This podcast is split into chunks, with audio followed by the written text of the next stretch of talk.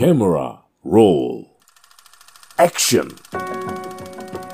Dari layar lebar dan layar kaca, ada ide, makna, dan rasa. Semut-semut klub nonton menyampaikannya untukmu. Selamat mendengarkan 365 hari suara semut edisi para penikmat sinema Indonesia.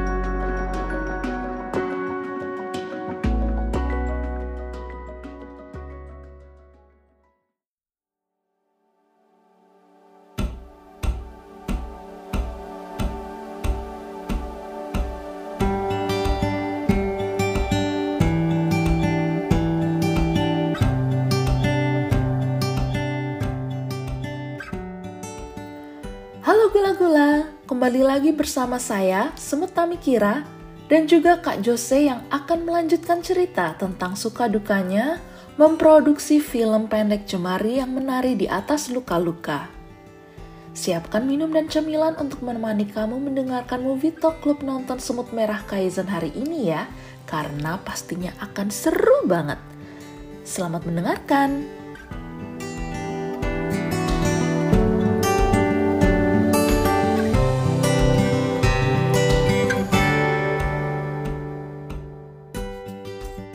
Nah, kalau misalkan Kak Jose sebagai produser sendiri, eh, saat syuting film gitu, suka dukanya apa sih Kak? tantangannya itu adalah memang mengenai cerita dan isu gitu karena kita menyadari bahwa cerita ini pun mungkin tidak semua itu menerima tapi kita punya semangat ini untuk menceritakan jadi segala informasi segala promosi itu dilakukan memang setelah filmnya sudah hampir jadi. Jadi selama produksi dari awal juga pas kita penyaringan kru dan cast kita juga harus memberikan pengertian bahwa cerita seperti ini apakah kamu memiliki tanggapan yang sama dengan kita atau tidak gitu karena kan aneh juga ya kan bikin sebuah cerita tapi dia sendiri nggak believe on the story itself gitu kan mungkin punya pemikiran yang berbeda aktor juga seperti itu gitu. Makanya kita casting agak cukup lumayan lama untuk uh, melihat sudut pandang karena ada yang uh, casting aktornya yang kayak oh ya udah gitu. Mereka tidak bisa meletakkan diri mereka di karakter tersebut pas saat acting. Jadi itu pun juga punya kendala tersendiri. Tapi selebihnya yaitu semua segala informasi segala promosi kita pun juga harus low profile dan kita pun juga berusaha untuk mengemas dengan isu yang lain sehingga permasalahan itu yang kita takutkan itu tuh tidak menjadi masalah yang besar banget gitu. Ya kita mencari isu yang lain kayak misalnya akhirnya setelah promosi kita bahwa ini film non dialog lalu kita adalah film yang memang buat tunanetra gitu kolaborasi dan kita tuh film ini mengenai variasi NASA gitu. Jadi itu tuh yang mungkin nggak dipikirkan oleh banyak orang tapi itu kayak damage control yang perlu kita lihat dari awal gitu sih. Jadi jangan sampai udah susah capek eh diturunin gitu kan. Pas lagi lagi nonton bagaimana gitu. Jadi memang harus ada damage control yang perlu kita udah lihat dari awal apa sih yang mungkin terjadi dengan film ini setelah keluar nanti. Itu sih dua hal yang paling berat sih Tami I see, tapi kayaknya segala tantangan dan juga tadi kekhawatiran yang udah dipikirkan pas membuat film ini tuh terbayar ya kak. Karena film Jemar yang menari di atas luka-luka ini udah berkeliling dunia lah istilahnya kan kak mungkin bisa diceritain ini filmnya udah dipentasin di mana aja dan gimana sih caranya supaya bisa masuk festival mancanegara gitu. Iya, syukurlah itu akhirnya diterima juga karena kita ini kan selesai di tahun 2019 gitu. Uh, debutnya itu di film musik makan. Jadi film musik makan tuh memang kayak acara tahunan yang dibikin oleh Pak Lari apa Mbak Dede lah gitu. Jadi akhirnya jadi kayak film debut filmmaker filmmaker gitu. Itu tahun 2019 itu kita uh, deg-degan banget tuh orang yang nonton seperti apa gitu. Tapi banyak banget yang memberikan dukungan dan uh, komen yang positif. Nah selama 2019 itu kita coba lemparin memang ke festival dunia dulu nih yang udah kita incer-incer. Ternyata Baik banget ya nolak. Jadi kayak selama tahun 2019 dari segala film festival yang kita submit cuma hanya satu doang tuh di Jepang di Short Short Film Festival in Asia gitu. Itu yang kita masuk official selection di situ tuh pertama kali ya uh, worldwide premiernya kita di situ. Uh, lalu kita dengan festival lainnya itu belum ada bahkan termasuk dengan JAV sendiri di Jogja kita nggak masuk tapi kita sangat diterima banget di festival di Bali namanya Mini Kino Film Week. Mereka punya peran yang besar banget dengan marketingnya Jemari ini karena dari mereka lah film kita akhirnya dibantu untuk distribusikan ke mana-mana gitu. Jadi suaranya itu makin banggang dari Mini Kino ini karena kita oleh sebelumnya official selection yang di Mini Kino ini pertama kali kita menang gitu sebagai film pendek nasional Nah dari situ dari menang di Mini Kino film kita dibawa ke Mini Kino untuk screening-screening di luar dan dalam negeri. Lalu mun barulah muncul-muncul di film festival lain. Dan ternyata kedengeran juga sampai ke para juri-juri FFI saat tahun 2020 dan kita masuk nominasi uh, di film festival itu. Dan kita yang aku sama Pupu sutradaranya kita datang ke festival hanya sebagai senang-senang aja gitu kan kenal-kenalan aja dengan nyala nggak ngarep buat menang kayak nggak mungkin lah nih film ini menang ya kan? Pas itu juga pas masa-masa covid kan udah mau menjelang covid besar tuh. Eh tapi pas uh, di hari itu ternyata kita dipanggil sebagai film pendek terbaik FFI Festival Film Indonesia 2020 dan itu jadi hype makin besar lagi karena di saat yang bersamaan film kita masuk dibawa oleh Mini Kino tuh ke Luang Prabang di uh, di Laos dan mereka memberikan film itu secara online.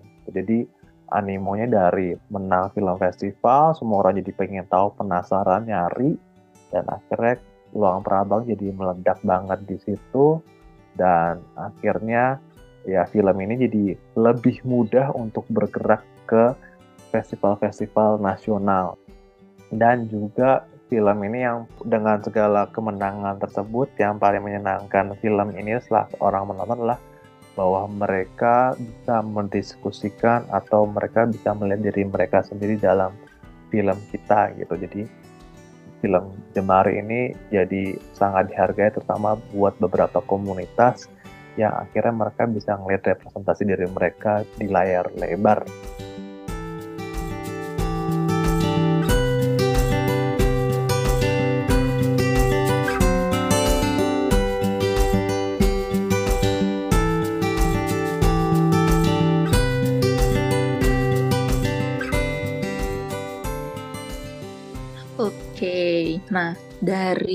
Kak Jose sendiri bisa jelaskan tentang sinopsis film Jemari yang menari di atas luka-luka ini, Kak. Dikit aja, jangan Boleh. sampai spoiler.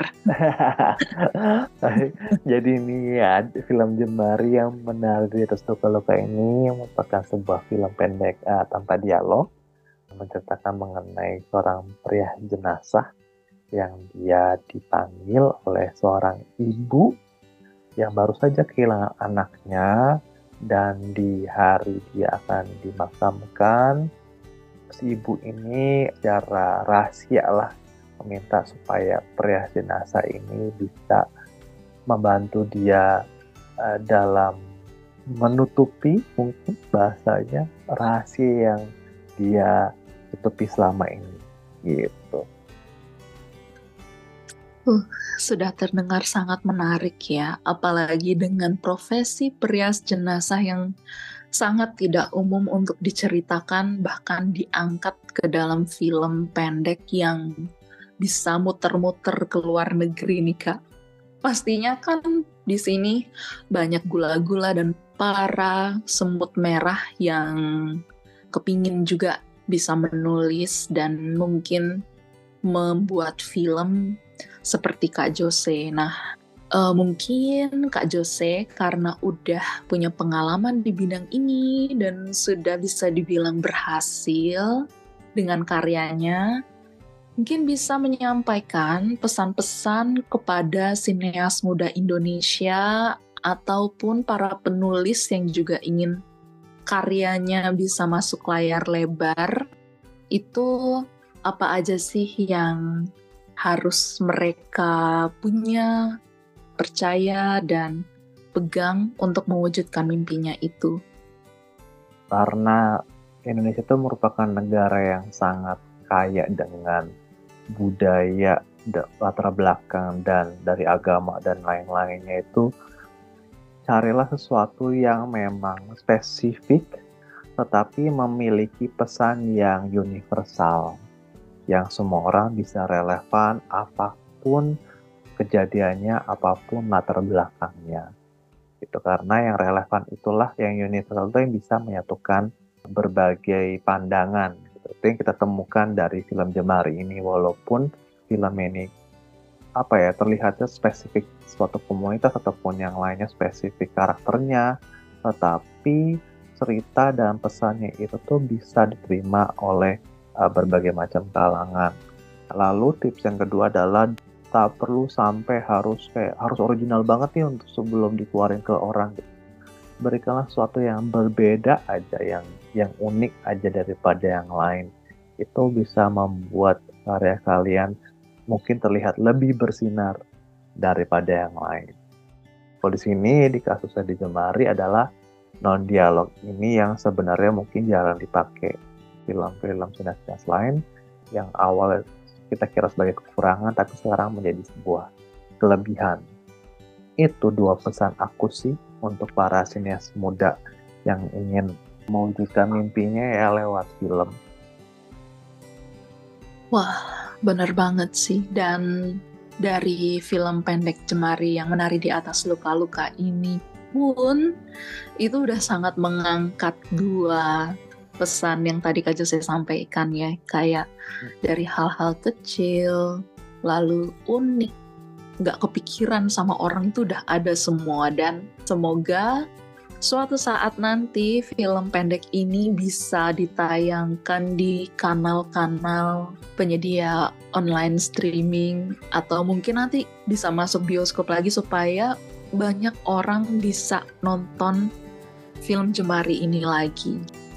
Dan akhir kata, Terima kasih banyak Kak Jose karena sudah meluangkan waktunya malam ini untuk para semut dan gula-gula yang mendengarkan siniar kita. Thank you semuanya, semua-semua semua.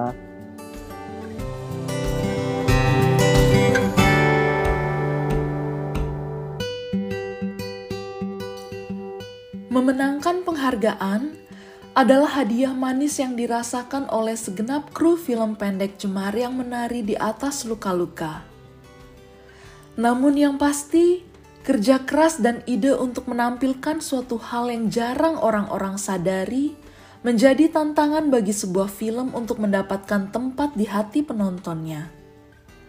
Walau tanpa dialog, sederhana, dan juga menceritakan isu yang dianggap tabu, hal itu malah menjadi kekuatan dalam diam yang berteriak sunyi melalui karakter-karakter filmnya. Semoga obrolan bersama Kak Jose ini bisa membangkitkan semangat para sinias muda untuk berani berkarya walaupun akan ada banyak rintangan menghadang dalam proses pembuatannya. Terima kasih gula-gula karena sudah mendengarkan Movie Talk Semut Tamikira hari ini bersama dengan Kak Jose tentunya tentang film pendek Jemari yang menari di atas luka-luka. Sampai jumpa di Movie Talk Club nonton Semut Merah Kaizen yang akan datang.